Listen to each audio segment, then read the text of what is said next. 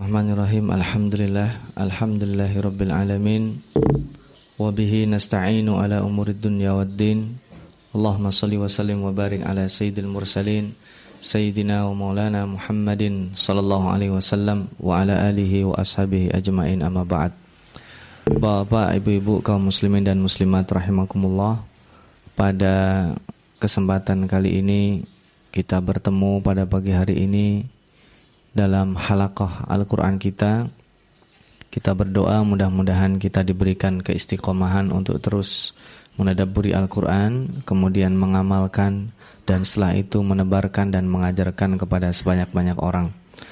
Yang kedua pada kali ini dengan bergantinya hari Dan kita tepat berada di tengah bulan Dhul Qa'dah Kita juga menyiapkan di saat saudara-saudara kita pergi melakukan ibadah haji, kita yang di sini juga menyiapkan bahwa nantinya Allah akan karuniakan kepada kita sebuah waktu yang hanya berulang satu tahun sekali bisa jadi kita tidak dapat menjumpainya yaitu di bulan Dhul Hijjah yang kita disunahkan melakukan kebaikan di sana wabil khusus puasa, berzikir dan lain sebagainya. Kita akan melanjutkan pada kesempatan kita pagi hari ini insyaallah uh, lanjutan dari kisah Bani Israel yang uh, pekan lalu kita mendiskusikan ada sebuah kasus pembunuhan yang sudah bisa dipecahkan tetapi sepertinya Allah Subhanahu wa taala masih melanjutkan sindiran-sindiran atau teguran-teguran yang dilakukan oleh Allah untuk menyembuhkan beberapa penyakit sosial. Kali ini kita akan melanjutkan insyaallah pada ayat ke-77 sampai insyaallah kita akan akhiri ayat 83. Sedikit sebagai penyambung pada pekan lalu eh, Nabi Muhammad SAW berserta umat Islam dipesan jangan terlalu berharap beriman kepada orang eh, mereka beriman kepada dakwah Nabi Muhammad SAW dikarenakan ada beberapa sikap yang yang bukan cukup sulit karena memang menjadi sebagian tabiat mereka yaitu susah menerima kebenaran dari orang lain. Yang ini uh, terlihat ketika ada orang yang netral yang kemudian membela Nabi Muhammad SAW, mereka justru ditegur oleh sebagian mereka. Dan ketika terakhir di sini dikatakan afala ta'qilun? Itu adalah uh, untuk menjelaskan. Harusnya kan afala ya'qilun? Uh, apakah mereka tidak berpikir tapi di sini apakah kamu tidak berpikir di sini uh, seolah-olah Allah ingin berbicara langsung dengan mereka. Yang pertama yang kedua karena kitab ini adalah untuk umat Islam. Afatat mauna dan diakhiri di sini dengan afala taqilun. Dan kita akan kembali di sini membaca dengan salah satu uslub yang dikenal dalam ilmu tafsir dengan uslubul hikayah dengan menceritakan. Kita akan mulai ayat 77 a'udzubillahi minasyaitonirrajim awala ya'lamuna anna Allah ya'lamu ma yusirruna wa ma yu'linun. Ini lanjutan dari uh, yang kemarin ya sebenarnya masih nyambung ya. apakah mereka tidak tahu? Sesungguhnya Allah itu mengetahui sesuatu yang mereka sembunyikan dan sesuatu yang mereka tidak sembunyikan mereka pertunjukkan. Nah ini kelihatannya sederhana tapi kata-kata ini sangat luar biasa Kenapa? Mereka ketika berjumpa dengan orang-orang Islam bermulut manis seperti halnya orang munafik yang dulu kita pelajari ya. Kalau bertemu dengan orang masih senyum saja. Tapi kalau berada di belakangnya, masya Allah, itu kasakusuknya luar biasa. Nah orang-orang seperti ini betul dia dikenal sebagai orang baik, tetapi uh, Allah Subhanahu Wa Taala mengetahui apa yang mereka tidak pertunjukkan. Demikian juga ada tafsiran lain, tafsir isyari disebut dalam uh, tafsir Ruhul Ma'ani. Ini juga mengisyaratkan orang yang tahu terhadap sesuatu kemudian dia melakukan sesuatu yang tidak boleh dilakukan atau sebaliknya orang yang tahu terhadap sesuatu kemudian tidak mengerjakan yang dia anjurkan itu di sisi Allah SWT sangat besar konsekuensinya dan itu di ayat lain di surat As-Saff ditegur ya. Eh, lima taquluna ma la taf'alun. Kabura maqtan indallahi an taqulu ma jadi uh, ini sangat besar konsekuensinya. Apalagi mereka nantinya melakukan kesalahan yang cukup besar. Jadi orang tadi bukan hanya mengatakan kemarin ya dikatakan ya Atuhadditsunahum bima fatahallahu alaikum liuhajukum kemarin. Loh, kamu kok ngasih tahu? Itu kan ngasih tahu sesuatu yang bisa menyebabkan kita ini kalah kualitas, bisa menyebabkan kita kalah pengaruh di tengah masyarakat. Padahal itu benar ya. Makanya nanti yang yang di sini ada di ayat dua ayat yang akan kita baca setelahnya itu akan mengungkap siapa sesungguhnya eksistensi mereka. Di ayat 78 wa minhum di antara orang-orang Bani Israel itu Yahudi itu ummiyun yaitu orang-orang yang tidak bisa baca tulis. Selama ini mohon maaf ketika kita bilang kata-kata ummi atau buta huruf tidak bisa baca, tidak bisa menulis itu ini identik dengan bangsa Arab. Ya, padahal sesungguhnya buta huruf itu ada di setiap bangsa. Nah, sama dengan kita. Sekarang kalau kita membicarakan eh, bangsa kita, bangsa Indonesia, dibandingkan dengan negara-negara tetangga kita, apakah dengan banyaknya buta huruf di bangsa kita, kita mengatakan kemudian bahwa kita adalah uh, bangsa yang buta huruf? Tentu tidak. Ini uh, lebih kepada klaim, seperti halnya klaim jahiliyah. Klaim jahiliyah itu ketika dibandingkan dengan klaim ideal di atasnya atau ajakan ideal di atasnya. Makanya ketika dibandingkan orang Arab ummi dengan orang Yahudi yang bukan bangsa asli situ, ummi juga, tapi kenapa lebih dikenal sebagai bangsa Arab yang ummi? Karena mereka ada di pertama di negaranya sendiri, di bangsanya sendiri, di tengah bangsanya sendiri. Jadi sama seperti ini Bapak. Hari Senin terjadi peristiwa pembunuhan. Diliput oleh media massa. Hari Selasa terjadi peristiwa pembunuhan yang lainnya. Hari Rabu terjadi peristiwa pembunuhan yang lainnya. Itu kira-kira apa yang terjadi di hari Kamis? Kekacauan sosial. Masyarakat mengira bahwa semua orang dibunuh. Padahal yang dibunuh cuma tiga orang. Yang tersisa bukan puluhan juta, bisa ratusan juta di negeri ini masih tersisa. Tapi kenapa dunia begitu heboh? Negeri kita begitu heboh dengan pembunuhan yang mohon maaf hanya tiga hari itu karena bukan dihitung dari personalnya tapi dari efeknya. Maka umi di sini itu dari efeknya. Dengan mungkin bisa jadi uh, bukan mayoritas tapi banyak sekali yang buta huruf maka disebut dengan kaumun ummiyun. Nah, di sini Bani Israel juga sebenarnya sama saja. Mereka itu juga banyak yang buta huruf. Cuman mungkin bisa jadi orang-orang pinternya vokal sehingga kelihatan bahwa yang buta huruf itu sedikit. Nah, di sini Allah ingin tegaskan wa minhum ummiyun. Mereka itu nggak baca. Gimana? La ya'lamunal kitab. Nggak bisa baca kitab, nggak bisa baca Taurat. Lalu apa yang mereka lakukan? Illa amaniya wa inhum illa yadhunnun. Nah, ini yang paling bahaya. Jadi mereka itu nanti menyangka yang beredar di tengah masyarakat Bani Israel itu ada di dalam kitab Taurat padahal sesungguhnya tidak demikian. Jadi itu hanya amani. Amani itu bahasa mudahnya di sini ini adalah uh, jamak dari umnia, angan-angan. Nanti di antara angan-angan mereka disebut nanti di bawah. Oh, kita ini nggak bakal disiksa Allah. Kita ini adalah bangsa pilihan. Kita ini adalah orang yang eksklusif dimuliakan Allah. Sementara yang lainnya itu bangsa-bangsa yang kelas 2. Ini disebut dengan amani. Ditegaskan Allah bukan amani. Wa inhum illa yadhunnun. Dan mereka itu itu hanya perkiraan saja. Tidak ada basicnya. Yang dikatakan ini ada di dalam Taurat, tidak ada, itu bohong. Kenapa? Mereka nggak bisa. Coba kalau seandainya kita tantang, yang anda katakan tadi itu ada di mana di kitab Taurat? Mereka nggak bisa baca katanya. Makanya kita juga harus hati-hati. Karena bangsa kita, mohon maaf, ini juga bukan saya mau menyamakan dengan bangsa Bani Israel. Bangsa kita ini lebih menyukai kultur bertutur daripada kultur membaca. Makanya kadang mohon maaf, dalam suatu masalah kemudian terjadi perbedaan ulama, kita mengatakan, "Oh, ini yang benar adalah pendapatnya A." Dari mana? Oh, ini saya dengar. Ah, saya dengar. Katanya ada di kitab ini, katanya ada, tapi dia nggak tahu. Ketika di cross check ternyata bukan di kitab itu.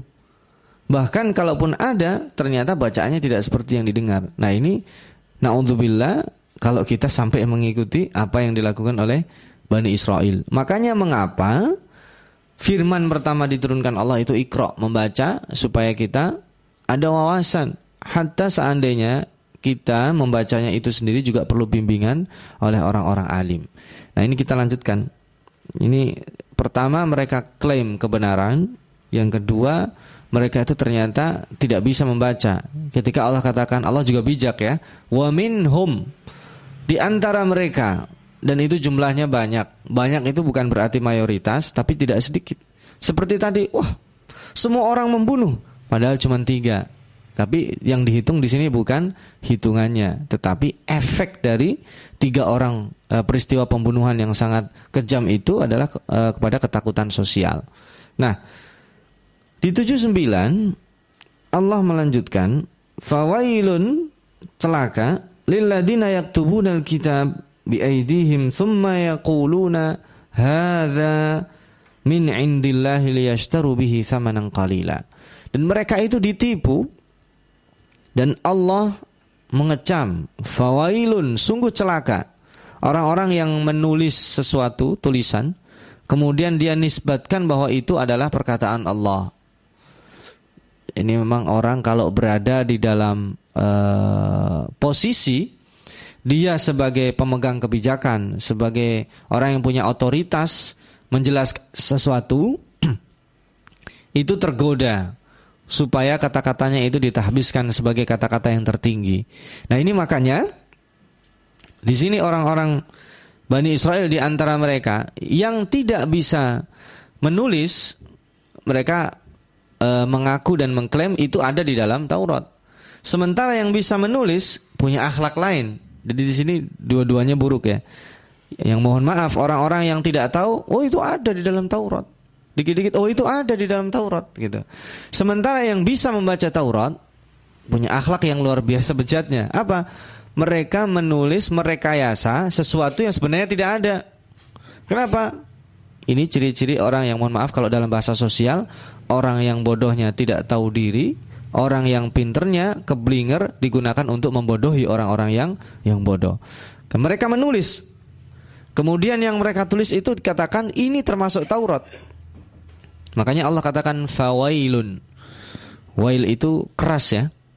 Kata-kata wail itu keras, seperti waihun, waisun itu keras, waihun keras. Itu masdar dalam bahasa Arab tidak ada fiilnya, tidak ada dipergunakan untuk ini satu atau dua atau banyak, itu sama. Itu menandakan satu yang dipakai untuk semuanya itu keras dalam bahasa Arab. Wailun kalau bahasa kita mungkin orang marah, ketipu gitu, eh, mengucapkan kata-kata ini. Tapi ini yang paling halus yang dipilih oleh Allah. Celaka. Sangat celaka. Siapa? Yaitu orang-orang yang menulis dalam kitab dengan tangan mereka thumma yaquluna hadza min indillah. Ini Taurat. Jadi ini adalah kisah pertama kali kenapa Taurat itu didistorsis di sini. Dan karena Taurat itu ditulis setelah Nabi Musa meninggal, berbeda dengan Al-Quran. Kalau Al-Quran ditulis pada saat Nabi Muhammad SAW masih hidup, cuman tidak dikumpulkan dalam bentuk satu kitab seperti kita. Jadi baru dikumpulkan di zaman Abu Bakar dan diperbanyak di zaman Utsman. Nah, maka diulang oleh Allah tiga kali, diulang lagi. Fawailun lahum, sungguh celaka lagi bagi mereka. Mimma katabat aidihim, karena yang mereka tulis. Wawailun lahum, celaka mereka. Ini diulang tiga kali luar biasa. Wawailun lahum mimma yaksibun. Ini permasalahannya bukan masalah tulisan, ini permasalahannya eh, aspeknya banyak ya. Selain sisi ideologis, sisi ekonomis. Orang-orang yang berada di dalam sisi otoritas itu menikmati mendapatkan rizki murah, mudah ya.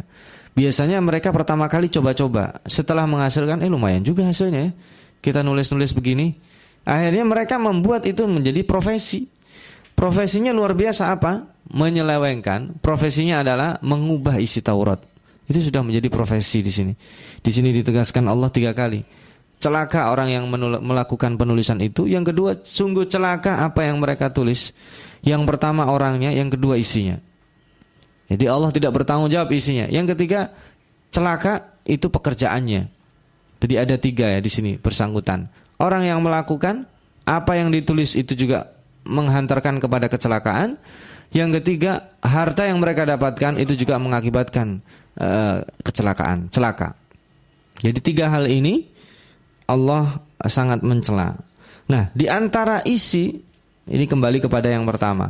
Di antara isi orang-orang yang tidak tahu tadi, orang-orang yang buta huruf itu, di antara isi mereka melamun, amani itu lamunan, impian ya, yang ada di dalam angan-angan mereka. Apa itu? Mereka mengatakan di sini, waqalu mereka katakan, lan tamassanan nar. Oh, kita mah nggak bakal disiksa di api neraka illa ayyamam ma'dudah kecuali sebentar saja. Kenapa?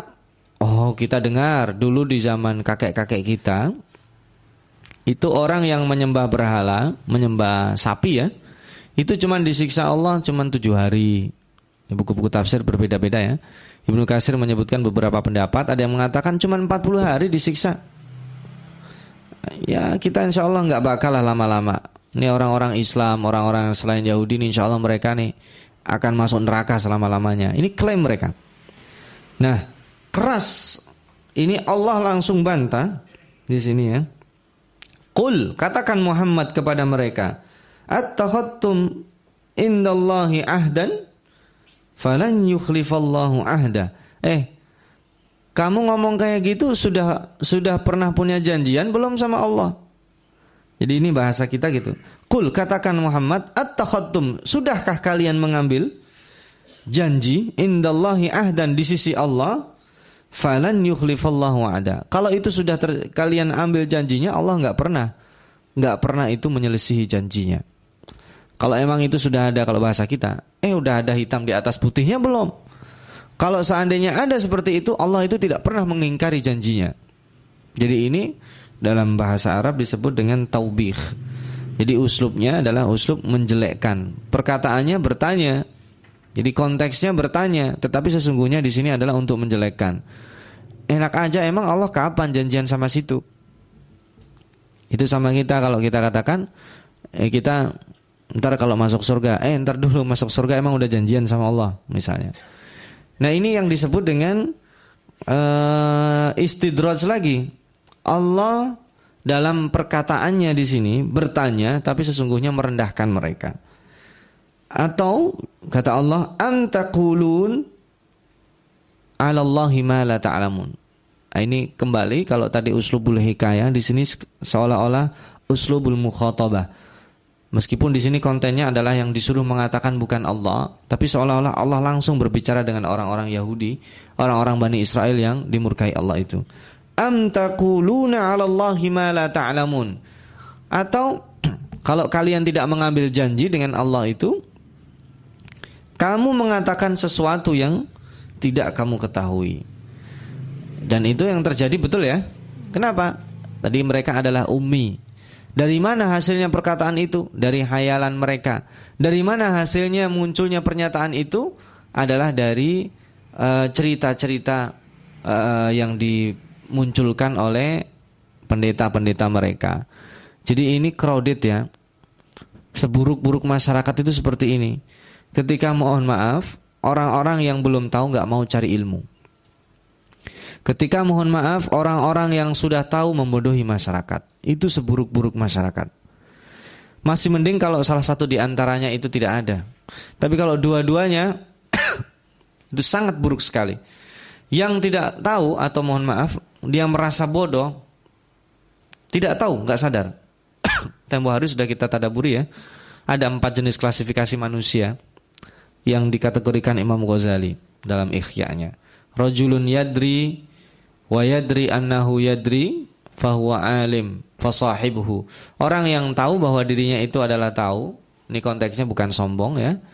Maka harus kita perbanyak dekat dengan orang seperti ini. Ini orang alim, kita harus banyak dekat dengan dia. Ada rajulun yadri wa yadri annahu la yadri. Orang yang tahu diri bahwa dirinya itu nggak tahu. Ini adalah orang yang lemah. Maka orang seperti ini harus disayangi. atau fa'allimhu ajari dia. Nah, yang ketiga dan keempat ini yang ada masalah sebenarnya. Rajulun yang ketiga itu Rajulun la yadri annahu yadri, orang yang tidak tahu bahwa dirinya itu orang tahu, fahuwa ghafil. Oh, ini orang tidur. Fa'auqidhu. Bangunin dia. Dia sebenarnya orang pintar, orang baik. Tapi karena dia berada di tengah orang-orang atau di tengah suasana yang nggak bagus, tidak mendukung, dia nggak tahu bahwa dirinya itu mutiara. Orang kayak gini adalah orang yang tidur. Orang yang ghafil, ghaflah. Fa'aiqidhu. Bangunin orang kayak gini. Dan yang paling buruk itu yang terakhir rajulun la yadri wa la yadri annahu la yadri. Ini seseorang yang tidak tahu bahwa dirinya itu orang yang nggak tahu. Nah, ini orang yang kayak gini harus dijauhi. Harus fabta'id minhu. Harus jauh kita orang seperti ini. Nah, ini masyarakat ini yang disitir di dalam Al-Qur'an ini ummi. Dia nggak baca, nggak nulis, kemudian klaim. Oh, itu ada di dalam Taurat. Itu buruk satu sisi, Kemudian orang yang bisa membaca Taurat untuk diajarkan kepada orang-orang yang tadi tidak tahu, dia ubah itu. Nah ini kan dua sisi yang sangat buruk di dalam masyarakat. Yang lemahnya tidak tahu diri, yang kuatnya bukan lebih luar biasa, menindas yang tidak tahu, menindasnya bukan secara fisik, tapi dibodohi dengan akidah-akidah yang sangat sesat. Jadi mereka dikatakan, oh kita insya Allah nggak banyak disiksa paling beberapa hari saja. Dan ini beredar kemudian dianggap sebagai sebuah keyakinan bahwa kita bahwa kami kata uh, kalau ini hitopnya adalah berbicara kepada selain orang Yahudi, kita adalah uh, negara atau warga negara atau bangsa yang dipilih oleh Allah. Dijawab, dari mana itu? Ada perjanjiannya tidak dengan Allah atau yang kalian katakan itu sesuatu yang sebenarnya tidak ada.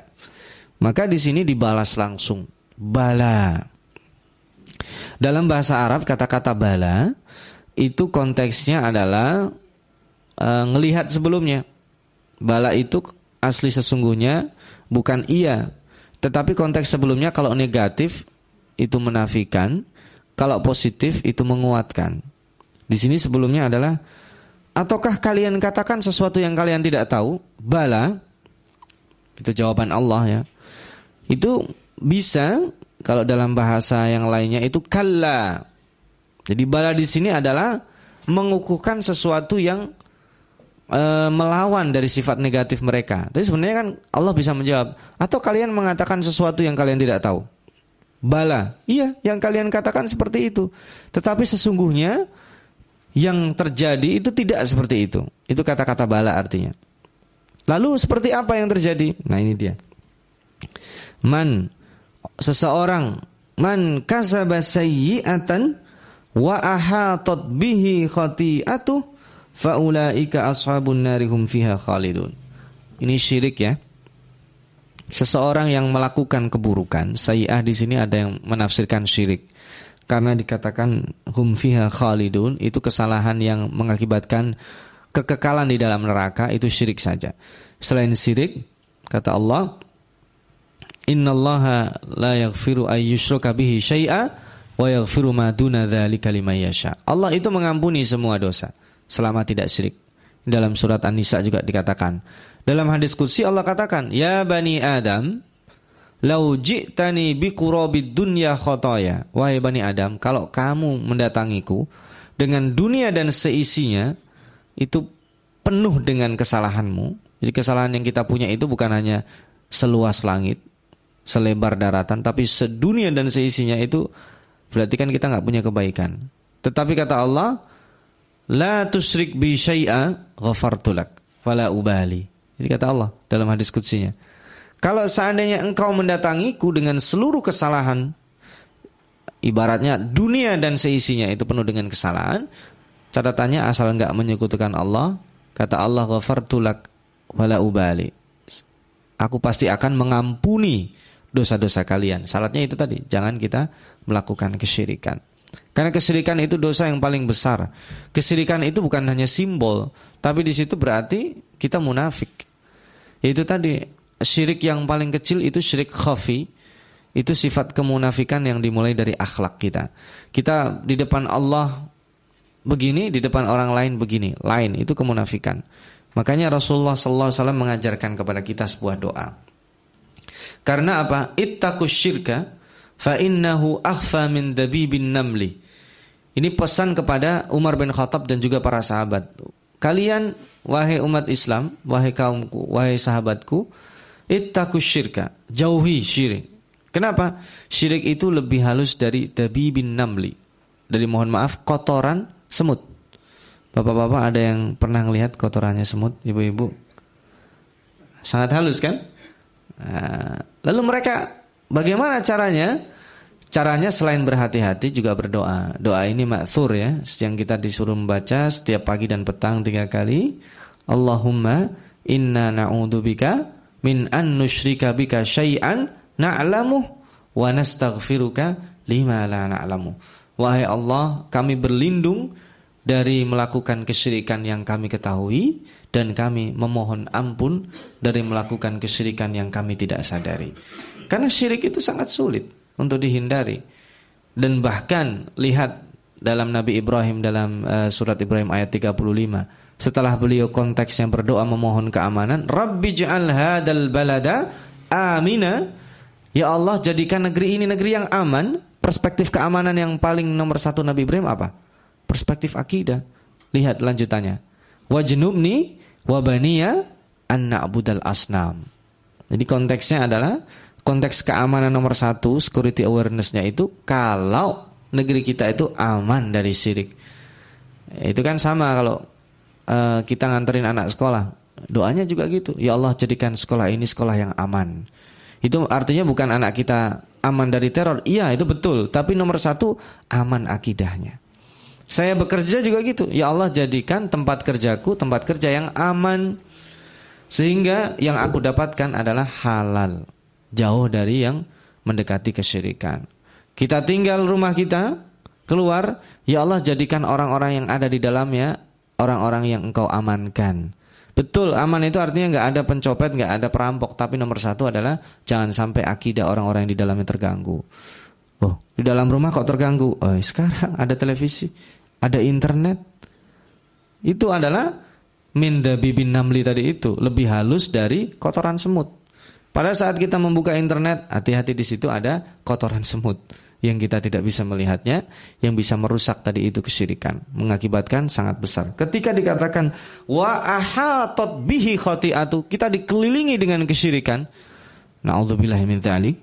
Faulaika ashabun narihum fiha khalidun. Ini konsekuensinya berat, kekekalan di dalam neraka. Dan kata Nabi Muhammad SAW dalam hadis Abu Hurairah, coba seringan-ringan siksa ahli neraka itu apa?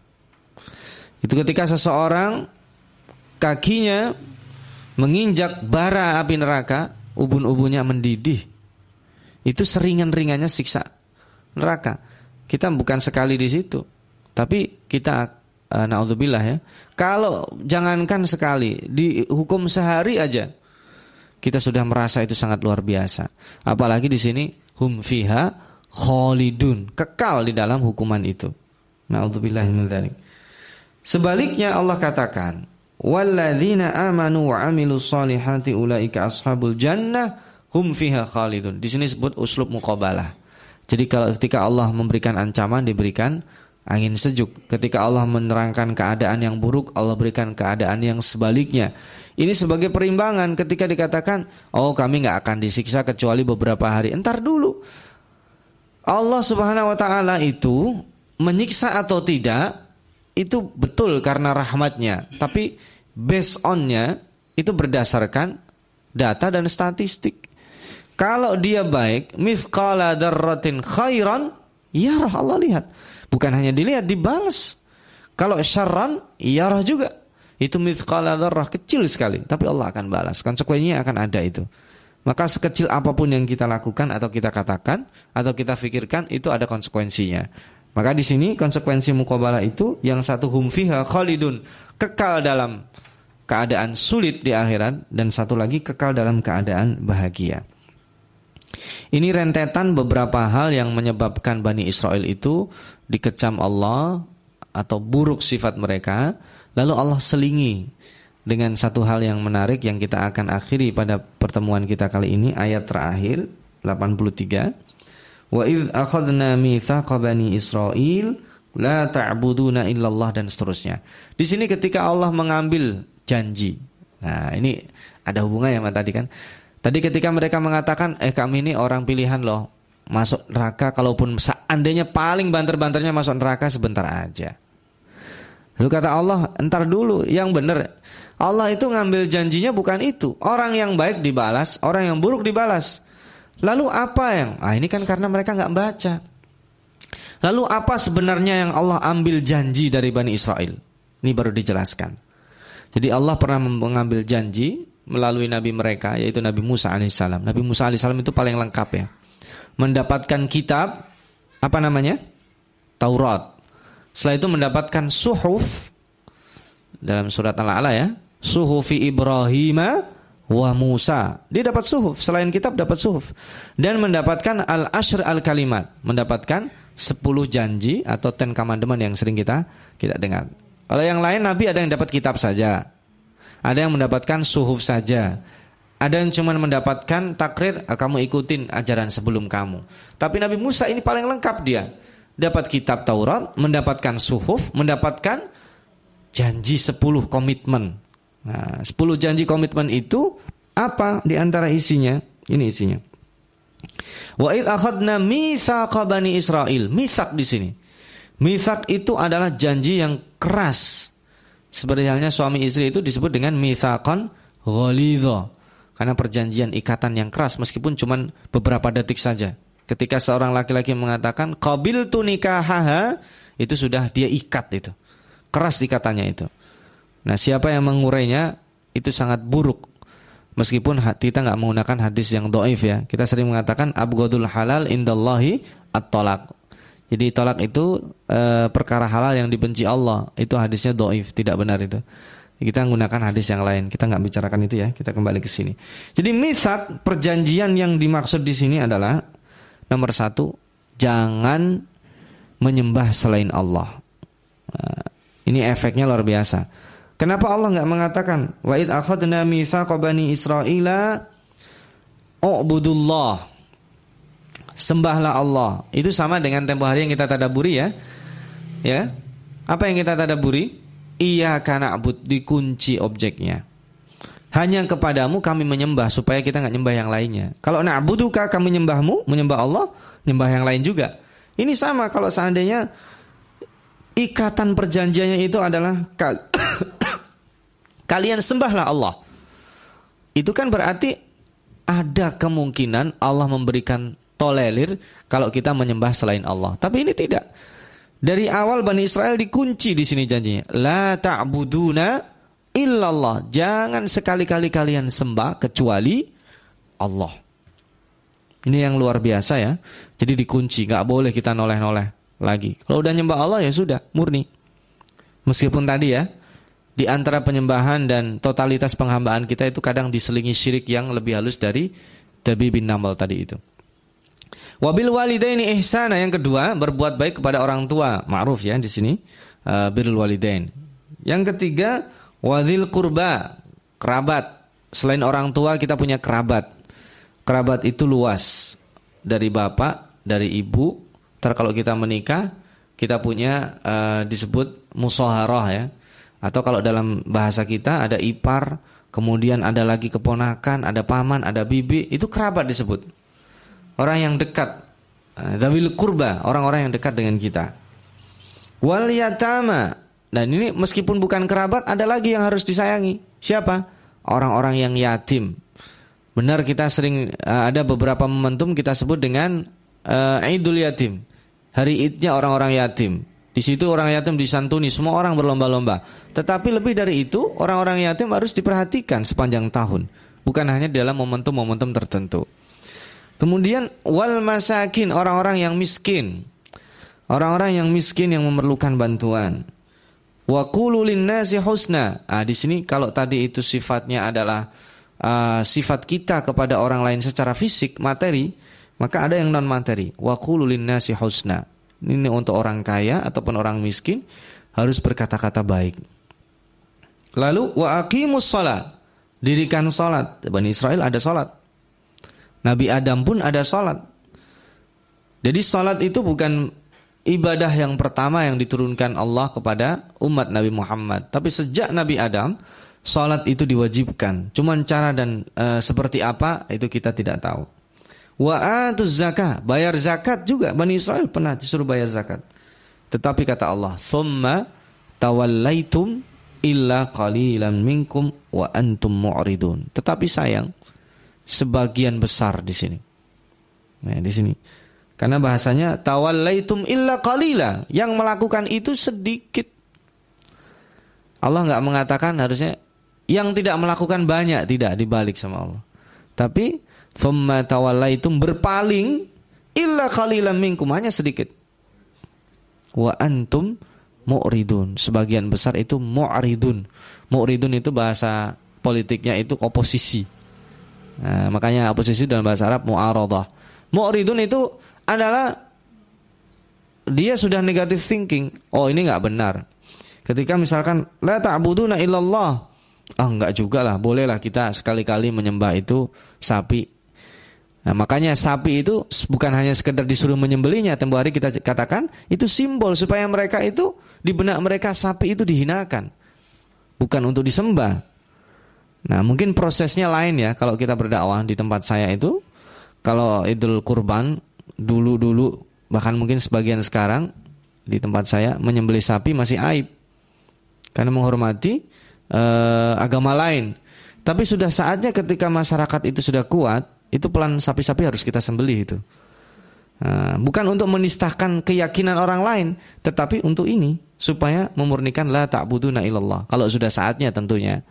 Uh, memang masih di beberapa daerah masih memelihara itu. Padahal kan sudah puluhan tahun yang lalu, sudah ratusan tahun yang lalu tempat tinggal saya di Kudus itu uh, kalau Idul Kurban jarang. Masih ada yang uh, kita hormati keyakinan orang lain sehingga sapi itu nggak nggak perlu disembelih. Atau kalau bapak-bapak pergi ke sana makan soto itu dagingnya bukan daging sapi. Uh, juga bukan daging kerbau, uh, daging kambing tapi daging kerbau. Nah ini ini berangkatnya secara ideologis tapi kemudian ke belakang orang tidak tahu, harusnya dia memahami kisah Bani Israel itu. Kenapa yang disuruh nyembelih itu sapi? Karena supaya mereka ikatan dengan sapinya itu pelan-pelan bisa ditinggalkan. Nah ini makanya ketika mereka menawar itu tidak ada. Namanya mithak, perjanjian, hitam di atas putih bahasa kita sekarang, nggak bisa ditawar lagi. Jangan menyembah selain Allah. Berbuat baik kepada orang tua, mohon maaf. In case orang tua itu adalah berlainan akidah, kita tetap disuruh berbuat baik. Lihat siapa orang tua yang paling buruk, lebih buruk daripada Fir'aun. Tapi kata Allah apa? Faqula lahu qawlan layyina. Datangi Fir'aun, bicara dengan lemah lembut. Kenapa? Karena Fir'aun itu adalah orang tua asuhmu. tetap harus berbicara dengan baik, tidak boleh membentak. Orang tua seburuk-buruk orang tua, anak tetap punya kewajiban birrul walidain berbuat baik, bukan berarti taat kepadanya. Kalau maksiat gak boleh kita taat. Ihsan itu lebih daripada sekedar menaati. Ihsan itu berkata-katanya lembut, berbuat baik dan uh, tidak membalas keburukan mereka dengan keburukan. Dan seterusnya ya, ada itu ya. Wa antum mu'ridun, sebagian besar mereka itu mengambil uh, langkah jarak dengan perjanjian itu. Jadi ini yang dimaksud dengan janji, bukan kata Allah, oh surga udah dikapling untuk kalian. Itu omong kosong. Am taquluna 'alallahi ma la ta'lamun. Jadi ini sesungguhnya janji-janji Allah uh, yang diberikan kepada Bani Israel, yang diikat uh, untuk Bani Israel lakukan. Nah ini uh, sekilas yang kita tadaburi melanjutkan pekan lalu hal-hal yang uh, dikritik oleh Allah SWT penyakit sosial yang paling buruk ya, ini khulasah saja ringkasan saja adalah ketika orang-orang yang tidak tahu dia tidak sadar sehingga dia menjadi bodoh kemudian mengatakan sesuatu yang dia tidak tahu sementara orang-orang yang tahu tidak memberitahu tetapi justru membodoh-bodohi. Itu dua kondisi sosial yang paling buruk di tengah masyarakat dan kemudian Allah obati. Sebenarnya yang dibalas Allah itu bukan itu. Yang baik dibalas baik, yang buruk dibalas buruk dan janji Allah itu bukan yang kamu katakan kamu gak bakal disiksa, bukan. Tapi janji Allah kepada Bani Israel itu di situ saya sebut ya, tidak beribadah kecuali kepada Allah, berbuat baik kepada orang tua, kepada kerabat, kepada yatim dan miskin, kemudian berkata baik kepada manusia, mendirikan sholat, membayar zakat. Itu janji Allah yang harus kalian lakukan. Dan ini juga berlaku kepada umat Islam. Nah, meskipun ini bukan syariat kita, tetapi ini dikukuhkan sehingga menjadi syariat Islam. Sama, semua nabi-nabi itu syariatnya adalah syariat tauhid. Kita dilarang menyembah kecuali hanya Allah taala. Makanya kalimat tauhid itu apa bunyinya?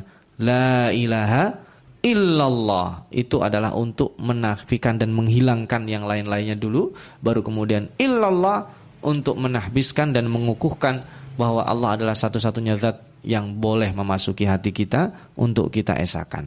Ini yang yang mungkin bisa kita tadaburi pada kesempatan pagi kali ini. Mudah-mudahan makin menegakkan kita dengan orbit kebaikan dan kita berdoa mudah-mudahan makin banyak orang yang memiliki kesamaan visi kita sehingga uh, pada saatnya nanti Al-Qur'an semakin banyak diamalkan oleh orang-orang yang ada di sekitar kita dan oleh umat Islam secara umum. Mudah-mudahan bermanfaat sekali lagi. Mohon maaf jika ada kata-kata yang kurang. Kita tutup dulu nanti jika ada yang mau bertanya kita lanjutkan setelah uh, kita tutup. آه، وجزاكم الله خيرا. أقول قولي هذا. جعلنا الله إياكم من الذين يستمعون القول فيتبعون أحسنه. والسلام عليكم ورحمة الله وبركاته.